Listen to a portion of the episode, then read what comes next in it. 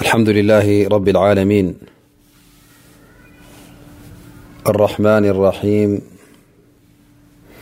مالك يوم الدين نحمده حمدا كثيرا طيبا مباركا ملء السماوات وملء الأرض وملء ما بينهما حمدا يوافي نعمه ويكافي مزيده وأشهد أن لا إله إلا الله شهادة نرجو بها النجاة وأن محمدا عبده ورسوله بلغ الرسالة وأدى الأمانة ونصح الأمة وكشف الغمة وجاهد في الله حق جهاده حتى أتاه اليقين فصلاة ربي وتسليماته عليه وعلى آله وصحبه ومن سار على نهجه واتبع هداه إلى يوم الدين أما بعد يا أيها الذين آمنوا اتقوا الله حق تقاته ولا تموتن إلا وأنتم مسلمونرممعس علي رمة الله وبركاته لوم ان شاء الله تعالى حديث مبل ثلتمت أربع حد كب شرح أحاديث رياض الصالحين كنوسدنا اذي حديثون اب تحتي رأستي باب ستر عورات المسلمين والنهي عن اشاعتها لغير ضرورةتبل مالت بزعبة اجداسنتناي ጌጋታት ወይ ከዓ ናይ እስላም ኣሕዋጥካ ዝፍፅምዎ ጌጋ ንኡ ንክትሰትር ማለት እዩ ናብኡ ዘተባብዕ ናብኡ ዝሕብር ሓዲት ኢና ክንወስድ እንሻ ላ ተላ ቀዳማይ ሓዲት ይብል وعن ኣብ هريرة رضي الله عنه قል سمعت رسول الله صلى الله عليه وسلم يقول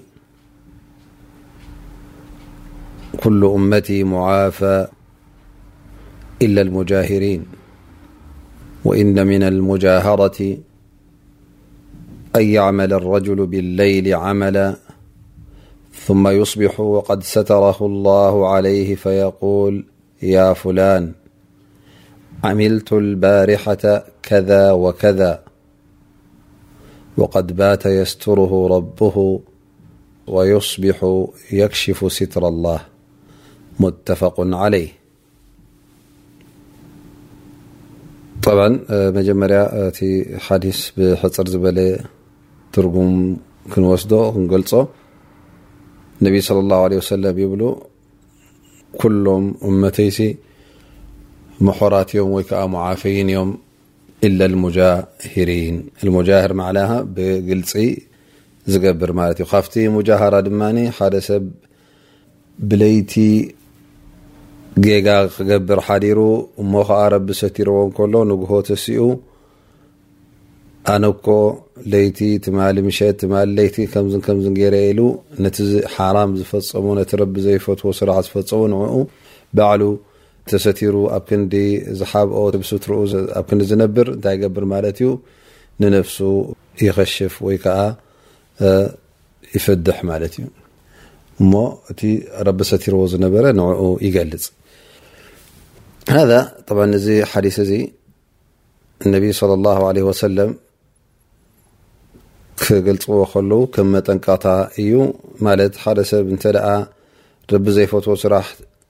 ሰሪሑ እሞ እዚ ስራሕ እዚ ሰብ ዘይረኣዮ እንተ ነይሩ ኮይኑ ሰብ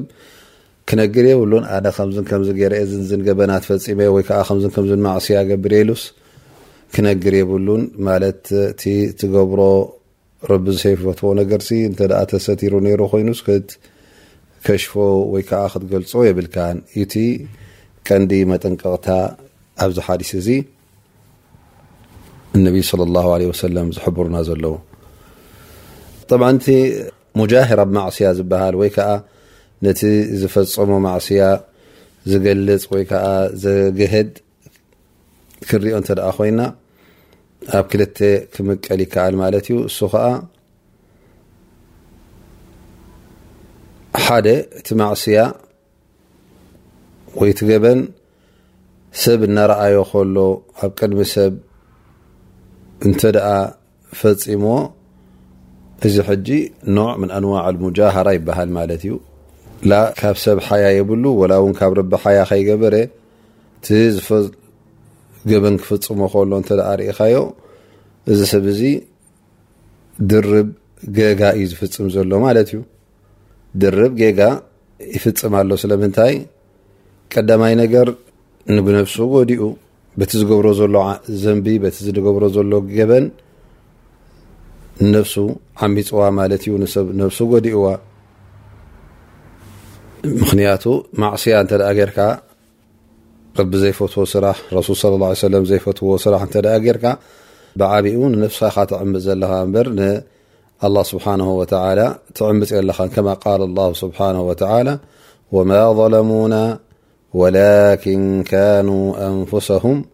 የظልሙን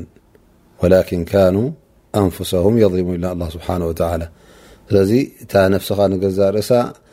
ኣማና ኢኻ ተዋሂብካያ ዘለኻ ከምቲ ኣላ ስብሓን ወተላ ጌርካ ክትነብረላ ዝኣዘዘካ ከምኡ ጌርካ ክትነብር ኣለካ ሓደ ሰብ ኣይኮነ ዶ እዛ ነፍሱ እዛ ክብርቲ ዝኾነት ኣላ ስብሓን ወተላ ኣማና ሂቡካ እሞ ከዓ ንስኻ ኣብ ክንዲ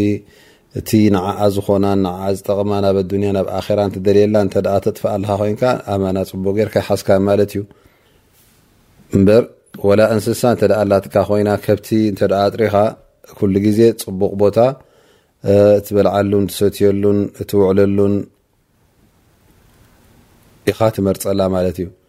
ካብ ዝጎድኣ ነገር እውን ትርሕቃ እዚኣ እታ እንስሳ እያ ከብቲ ኮይኑ ብዕራይ ኮይኑ ወላ እውን እንስሳ ዝኾነ ይኹን ዓይነት ጠለበግዕ ኮይኑ ንክሃጥረልካ ንክባዛሓልካ ኢልካ ከምኡ ትገብር ማለት እዩ እሞ እዛ ነብስኻ ከ እዛ ክብርቲ ነብስኻ ተዋሂብካያ ዘለኻስ ከመይ ጌርካ ክትሕዛ ኣለካ ማለት እዩ ዝያዳ ብክብርን ብዝያዳ ብፅቡቕ ኣተሓሕዛን ጌርካ ክትሕዛ ኣለካ። እቲ ዝበለፀ ድማ ናይ ብልዕን መግበን መስታይን ኣይኮነን እንታይ ደኣ እቲ ሰናይ ተግባራት ክኸውን ኣለዎ ማለት እዩ። ኣብቲ ሰናይ ዝግበሮ ተግባራት ኩሉ ግዜ ክትርከብ ኣለዋ ካብቲ ማዕስያን ሕማቕ ስራሓትን ዝፍፀመሉ ቦታታት እውን ከተርሕቓ ኣለካ ማለት እዩ እዚ እቲ ነብስኻ ትጎድኣ ኣለኻ ማለት እዩ ከምቲ ዝበልናዮ ሙጃሃራ ጌርካ ተጠሊዕካ ዝባንካ ቀሊዕካ ማዕስያ ኣብ ቅድሚ ሰብ ክትገብር ከለኻ እዚ ቀዳማይ ነገር ነብስኻ ዓሚፅካ ካልኣይ ነገር እውን እንታይ ካ ትገብር ዘለኻ ማለት እዩ ነቲ ሰብ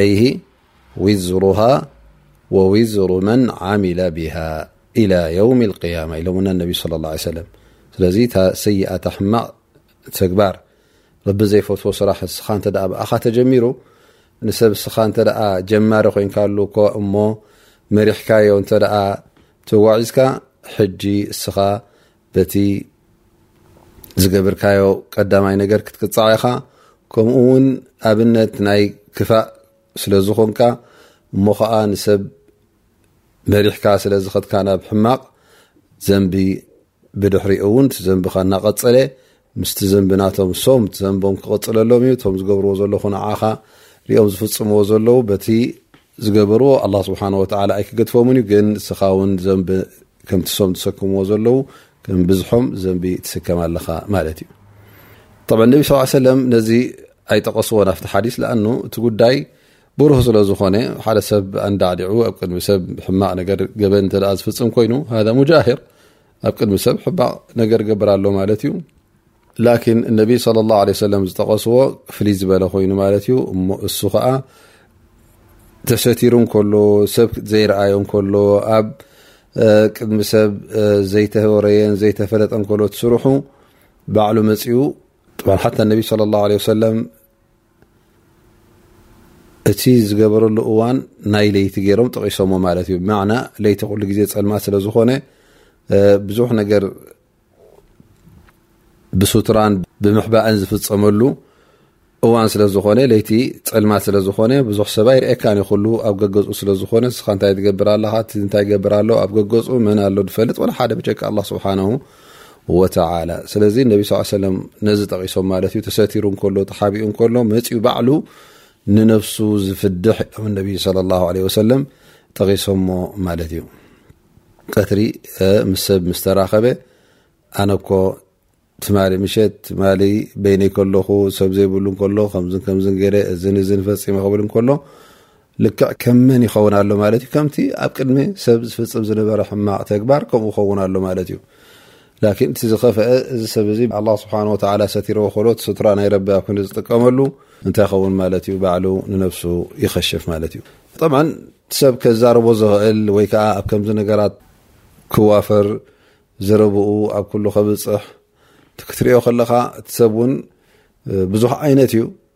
ምናልባሽ ንክፍኣት ሓሲቡ ኣይኮነን እቲ ክዛረብ ከሎ ኣነ ከምዚ ገይረ ከምዚ ገይረ ክብል እንከሎ ወይ ከዓ ናይ ጃህራ ኣይኮነን እንታይ ደኣ ከም ናይ ዕላል ገይሩ ይወስዶ ወላ ሓንቲ ከም ቀሊል ነገር ዕላል ገይሩ ይመስሎ እዚ እቲ ዝገብሮ ዘሎ እውን ጌጋ ከም ምዃኑ ክፈልጥ ኣለዎ ማለት እዩ ወላ ውን ኣብ ልቡ ናይ ነዚ ክፋእ ነገር ንኸዘውትር ሓሳብ ኣይሃልዎ ይኹን ወይ ውን ናይ ፈኸራን ናይ ተበጁሕን ኣይክኸውን ንኽእል እዩ ላኪን እንታይ ደኣ ከም ኣለዉ ሰባት ከም ዕላል ገይሮም ይወስድዎ ማለት እዩ ስለዚ እዚ እውን ጌጋ እዩ ወላ ከም ዕላል ጌርካ ክትወስዶ ይብካ እቲ ካልኣይ ድማ እቲ ዝኸፍአ ሕማቕ ንያ ዘለዎ ክኸውን ይኽእል እዩ እንተ እዚ ሰብ እዚ ነቲ ማዕስያ ገይሩ እሞ ከዓ ኣነስ ከምዝን ከምዝን ገይረ ክብል እንከሎ ካብ ብደዔ ተበጊሱ ወይ ከዓ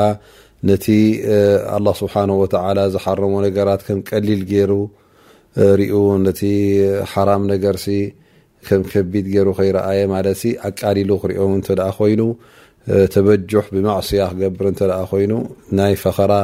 እንተ ኮይኑ ኣነ ከምዚ ክሰቲ ሓዲረ ኣነ ከምዚ ክፍፅም ሓዲረ እንተ ክብል ኮይኑ እዚ እቲ ዘንብናቱ ዝዓበ ይኸውን ማለት እዩ ፈህዋ ኣሸሩሁም እቲ ዝኸፍአ ይኸውን ማለት እዩ ምክንያቱ ጥራይ ነቲ ገበን ፈፂሙ ዘይኮነስ እንደገና እንታይ ይግብር ኣሎ ማለት እዩ ኣብ ቅድሚ ሰብ ይወራዘየሉ ኣሎ ከምዚ ገይረ ከምዚ ገይረ እናበለ ይፍክር ማለት እዩ እዚ እቲ ዝኸፍአ ይኸውን ማለት እዩ እዚም ከምዝኣመሰሉ ሰባት እነቢ صለ ላه ለ ወሰለም ኣላ ስብሓን ወተላ ዓፎ ከም ዘይብለሎም ምክንያቱ ኣብ ክንዲ ዝስተሩ ነብሶም ዝኸሽቡ ኣላ ስብሓን ወተላ ሰቲርዎም እንከሎ ኣብ ክንዲ ተባ ዝብሉ በታ ተሰቲሮማ ዝነበሩ እንታይ ክገብሩ ርከቡ ማለት እዩ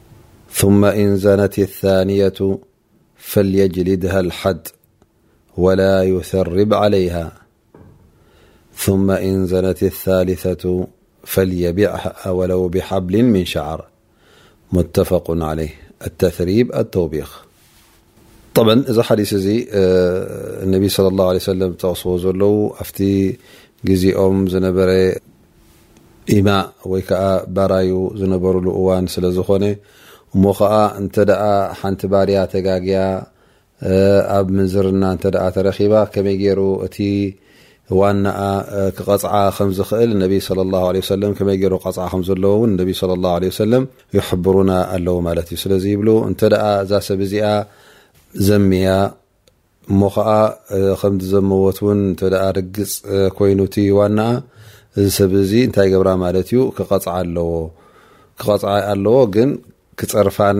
ሕማቕ ከስምዓ የብሉን እንታይ ደኣ ክቐጽዓ ኣለዎ ብመግረፍቲ ኮይኑ ከምቲ ነቢ ስ ሰለም ሓብርዎ ማለት እዩ እንተ ደኣ ደጊማ እውን ከምኡ ገይሩ ክቐጽዓ ኣለዎ ከይጸረፈ ከይ ኣናእሰ ከይረገመ ሳልሳይ ግዜ እውን እንተ ቀጺላ ብድሕሪኡ ወላ ብገመድ ብዋጋ ገመድ ማለት ክሸጣ ኣለዎ እዛ ሰብ እዚኣ ኣይትጠቅምን እያ ኢሎም ነቢ ለ ላ ለ ወሰለም ሓበሬታ ሂቦም ማለት እዩ ብ እዚ እቲ ሓዲ ኣብቲ ግዜ እቲ ብ ከምቲ ዝበልናዮ ባራዩ ነሮም ዝግዝኡን ዝሽየጡን ወደቂ ተባዕትዮ ይኹኑ ደቂ ኣንስትዮ ማለት እዩ እሞ እቲ ነዛ ባርያ እዚኣ ዝቐጽዕ ድማ እንተ ኣብ ምንዝርና ተረኺባ ዋናኣ እቲ ዝገዝኣ ከም ምዃኑ እውን ይሕብሩን ኣለዉ ማለት እዩ እቲ ኣቀጻጽዓ ድማ ከምቲ ኣላ ስብሓን ወተላ ዝሓበሮ እተን በራዩ ፍርቂ ተን ጭዋታት እየን ድቕፅዓ ነረን ማለት እዩ ስለዚ እንተ እታ ጭዋ እንተ ኣብ ምንዝርና ተረኺባ እሞ ዘይተመርዓወት ነራ እተ ኮይና ሚቲ ጀልዳ ወይ ከዓ ሚቲ መግረፍቲ ትግረፍ ንሓደ ዓመት እውን ካብቲ ዓዲ ዘላቶ ካልእ ዓዲ እውን ትስደድ ነራ ማለት እዩ ኢሎም ኣማ እንተ ኮይና ከዓ ኣብ ትሕቲ ዋናኣ ዘላ ዝገዝኣ እንተ ኮይኑ ሓምሳ ትግረፍ ማለት እዩ ፍርቂ ናይታ ጭዋ ማለት እዩ ላኪን ሃል ትغረብ ኣው ላ ትغረብ ማለት ካብቲ ዘላቶ ዓዲ ናብ ካልእ ዓዲ ትስጎግዶ ኣይትስጎግን እዚ ገለ ዑለማ ኢሎም ምክንያቱ እቲ ዋናኣ ንሱ ጉዳእ ስለ ዝኾነ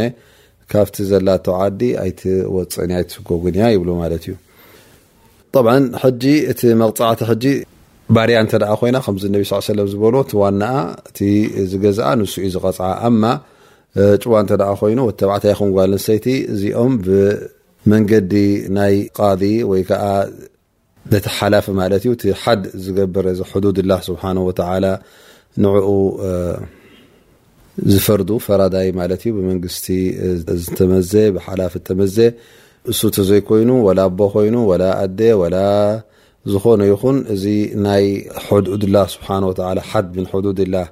መቕፃዕቲ ማለት ንዝሰረቀ ይኹን ብኣመንዘራ ወይ ከዓ ንመስተ ዝሰተ ዝገርፍ እዚታት ብምንታይ ክኸውን ኣለዎ ማለት እዩ ብሕጊ በቲ ብናይ መንግስቲ መልክዕ ዘለዎ ማለት ብቤት ፍርዲ ክፍረዶ ኣለዎ ማለት እዩ እዚ እቲ ጉቡእ ዳኣ እምበር ኩሉ ብኢደ ወነንኡ ዝገብሮ ነገር ኣይኮነን ስለዚ ጥራይ እታ ጓል ንስተይቲ እንተ ባርያ እንተ ኮይና እቲ ዋናኣ ንሱ ንክቐፅዓ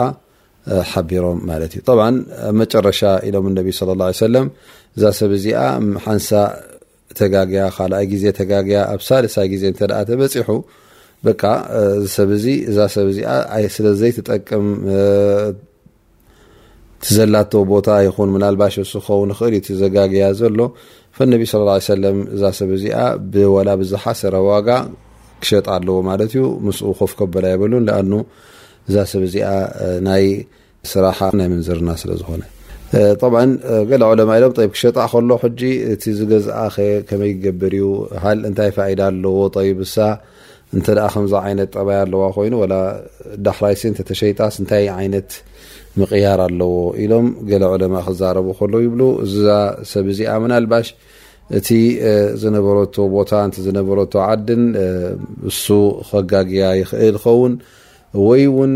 ኣብ ርእሲኡ ውን እቲ ሓድሽ ወሲድዋ ዘሎ ኣብ ክንዲ ናብ ከም ዝኣመሰለ ትወድቕ ከመርዕዋ ዝኽእል እተ ኮይኑ ምናልባሽ የመርዕዋ ወይ ውን ንሱ ባዕሉ እንተ ክምርዓዋ ኮይኑ ወይ ከዓ እቲ ናይ እናታ ድልት እተ ባዕሉ ከም ሓላፊ ወይ ከዓ ከም ዋናኣ ኮይኑ እሱ ባዕሉ ዘርብየላ እተ ኮይኑ እዚ ነገራት እዚ ምናልባሽ ምቅያር ከምፅእ ስለ ዝኽእል ወይ እውን ካብቲ ዘላቶ ቦታን ካብቲ ዘላቶ ዓድን ወፅያ ናብ ካልእ ክትከይድ ከላ ምናልባሽ ጠባያ ይቅየር ኸውን ስለዚ እቲ እነቢ ስ ሰለም እዛ ሰብ እዚኣ ብድሕሪኡ ይሽጣ ዝበልዎ ምናልባሽ ካብቲ ዘለዋ ጠባይ እውን ክትቅየር ስለ ትኽእል ከምኡ እውን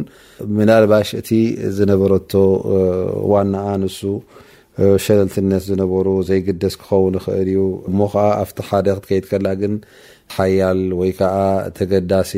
ዝቆፃፀራ ክኸውን ይኽእል እዩ ስለዚ ግዴታ ኣይኮነን እዛ ሰብ እዚኣ ኣብቲ ትጋገ ነይራ ከም እንደገና ኣብቲ ሓድሽ ውን ምስ ከደት እቲ ዝነበረቶ ጌጋ ክትቅጽሎ እያ ዝበሃል የለን ማለት እዩ ላኪን እቲ ቀንዲ ነገር እዚ ሰብ እዚ እናፈለጠ ከሎ እዛ ሰብ እዚኣ ኣብ ከምዚ ዓይነት እዚ ጌጋ እናወደቐት ከላ ምስኡ ኮፍ ከብላ ወይ ከዓ ምስኡ ክትቅጽል የብልን ማለት እዩ ሊኣኑ ሃ ንገዛእ ርእሱ ነቲ ሙንከር ካብኡ ከርሕቆ ኣለዎ ማለት እዩ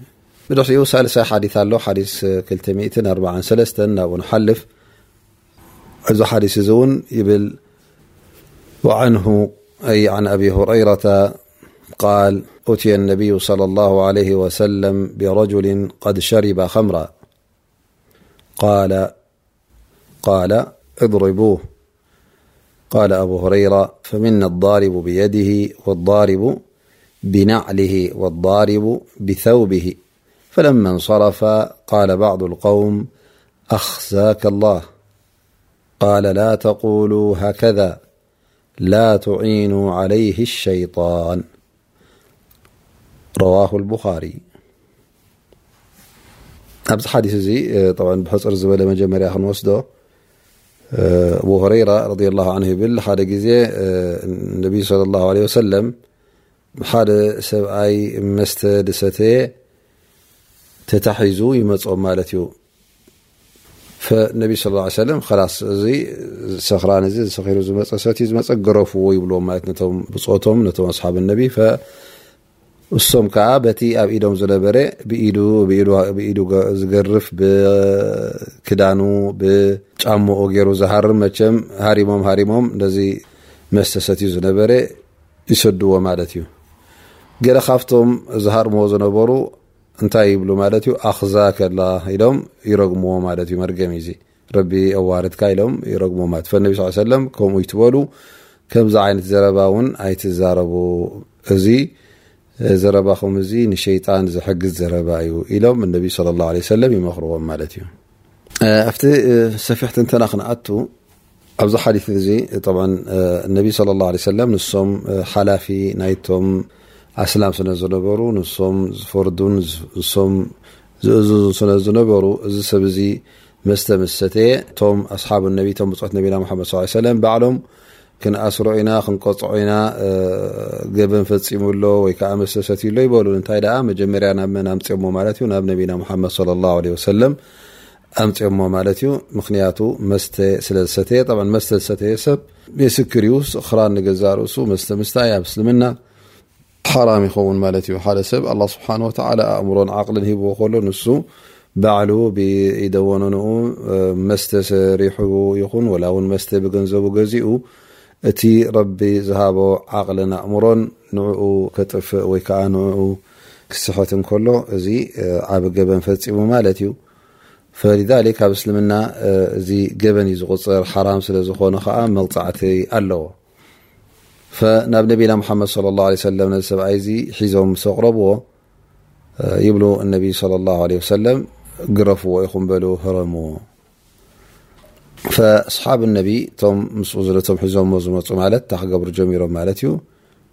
ክወቕዕዎ ክገርፍዎ ጀሚሮም ማለት እዩ። ኩሉ ድማ በቲ ኣብ ኢዱ ዝነበረ በቲ ኣብ ቀረባ ዝረኸቦ ገይሩ ብኡ ይሃርሞ ማለት እዩ። ገሊኦም ብኢዶም ይሃርምዎ ነይሮም፣ ገሊኦም ከዓ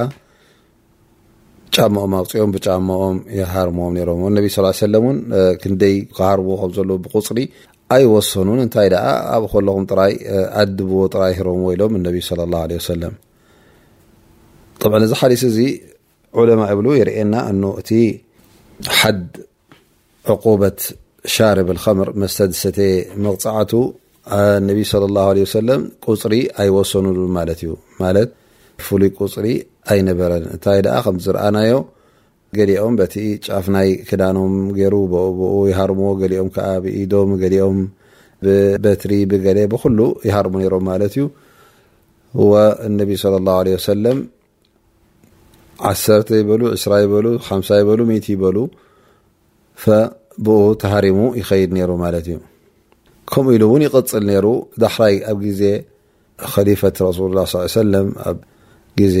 ኣቡበክር ስዲቅ ዳርጋ ኣርባዓ ጥራይ ተወሲኑ ማለት እዩ መግረፍቲ ኣርባዓ ንክኸውን ተኣዚዙ ማለት እዩ ካብኡ ንላዕሊ ኣይትግረፉ ምክንያቱ እንተ እቲ ሰብ ገዲፍካ ሰብ እተ በዚሑ እቲ ካርም እቲ ካርም ምክን ይቀትልዎ ከማን ወልመቕሱድ እቲ ዘድሊ ዘሎ እዚ ሰብ እዚ ንክእደብ ማለት እዩ ጌጋ ንከይፍፅም ብድሕሪ እዚ ካብቲ ጌግኡ ንክቁጠብ ኣብ ግዜ ሰይድና ዑመር ረዲ ላሁ ዓንሁ እቲ ሰብ ኣብ እስልምና ዝኣቱ እናበዝሐ ከይዱ ማለት እዩ እቲ ብእስልምና ዝኣተው እውን ልምድታት ነይርዎ ክኸውን፣ ገሊኦም እውን ኣብ እስልምና ክኣትዉ ከለው ብዙሕ ናይ እስልምና ፍልጠት የብሎምን ኾኑ፣ ፍልጠት እንከለዎም እውን ገሊኦም ክኣትዉ ከለው ድልየት ናይ ብልቦም ኣይኮኑን ኣትዮም ነይሮም፣ እንታይ ደኣ እቲ እስልምና እና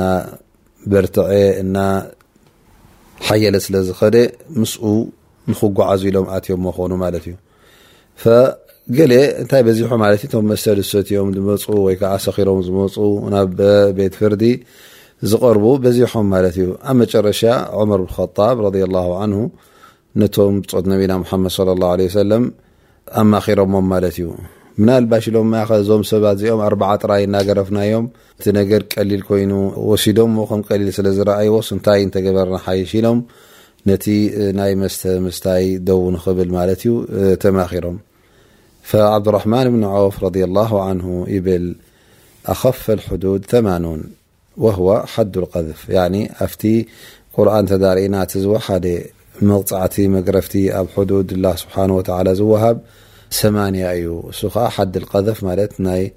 ምፅራፍ ማለት እዩ ሓደ ሰብ ሰብ እንተ ብምንዝርና ፀሪፍዎ እንታይ ኸውን ማለት እዩ መሰኻኽር እንተ ዘየቕረበ ሰማንያ ኩርባጅ ወይ ከዓ ሰማንያ መግረፍቲ ይግረፍ ማለት እዩ ፈዑመር ልከጣብ ነዚ ነገር እዚ ፅቡቕ እምበዓር ኢሎም ኣብ ግብሪ ኣውዒሎሞ ማለት እዩ ሰማንያ ጀልዳ ሰማንያ ብ ኾርባች ጌርካ ሰማንያ ንኽግረፍ መስተ ዝሰተየ ኣዚዞም ማለት እዩ ከምኡ ኢሎም ከኣ ከምኡ ኢሉ ከኣ ክሳዕ ሎሚ እዚ ፍርዲ እዚ ይቕጽል ኣሎ ማለት እዩ እዚ ሓዲስ እዚ እንተ ርእናዮ እታ ቀንዲ ተድልየና ዘላ ካብዚ ሓዲስ እዚ እንታይ እያ ኣቡ ሁረይራ ረዲ ላሁ ዓንሁ ይብል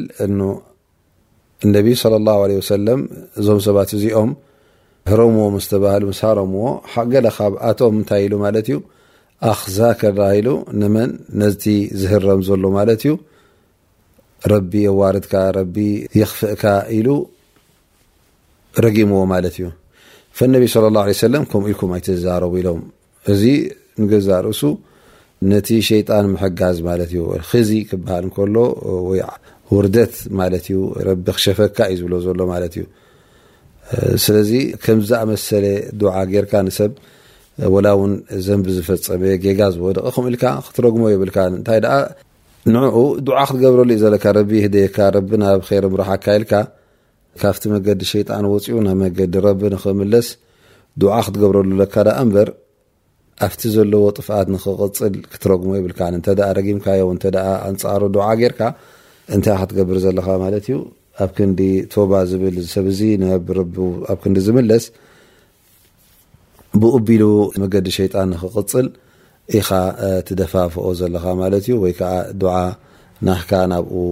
ዘድሃበ ይኸውን ማለት እዩ ስለዚ እስላማይ እንተ ተጋግዩ ኩሉ ግዜ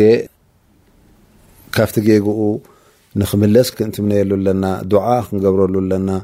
ብዝተካእለ ከኣ እንተ እቲ ዝገበሮ ነገር ዝስትር ከኣ እንተ ኮይኑ ዝሕባእ እንተ ኮይኑ ክንሓብኣሉ ኣለና ክንከሽፎ የብልናን ንሱ ባዕሉ ነብሱ ክከሽፍ የብሉን ንስኻ እውን ኣንታ እስላማይ ሓዉ በየን ተረክበት ዝዓድል ኢልካ ነዚ ሰብ እዚ ኣብ ቅድሚ ሰብ ክትፈድሖ፣ ኣብ ቅድሚ ሰብ ክትገሽሖ፣ ኣብ ቅድሚ ሰብ ከተስተናእሶ ወይ ከዓ ከተዋርዶ የብልካን ማለት እዩ። ለኣኑ እቲ ፈዲሓ ንገዛእ ርእሱ፣ እቲ ውርደት ንገዛእ ርእሱ፣ ነቲ ሕማቕ ነገር ንዕኡ ከም ዘስፋሕፍሕ እዩ ዝገብሮ ማለት እዩ። ኩሉ ግዜ እውን ንሕና ክንጥንቀቕ ኣለና ማለት እዩ እቲ ማዕስያ ዘሎ ኣብ ህብረተሰብ ሲ ከመይ ጌርካ ከም ዝወሓት ክትቃለስ ኣለካ ማለት እዩ ላኪን እንተ እቲ ነገር ከም ቀሊል ጌርካ ትወስዶ ኮንካ እከለ ከም ዝገብር እቲ ማዕስያ እቲ ዝግበር ሲ እማ ብዓይኒ እንተ ተራእዩ ሰብ ዝፈልጦ ኮይኑ ወይ ከዓ ብእዝኑ እናሰምዐ ከምዝባ ኮይኑ ከምዝባ ተገይሩ ናበልካ ነቲ ሕማቁ እንተ ኣብቲ ህብረተሰብ ትነዝሖ ኣለኻ ወይ ከዓ ከም ቀሊል ነገር ጌርካ ከም ልሙድ ነገር ጌርካ እናወሰድካ እንተ ተላኽዖ ኣለኻ እስኻ እንታይ ትገብር ኣለኻ ማለት እዩ እቲ ሙንከር እቲ ሕማቅ ነገር ኣብ ኩሉ ንክበፅሕ ኣብ ኩሉ ንክንዛሕ ዓቢ ዕድል ትህቦ ኣለኻ ማለት እዩ። ስለዚ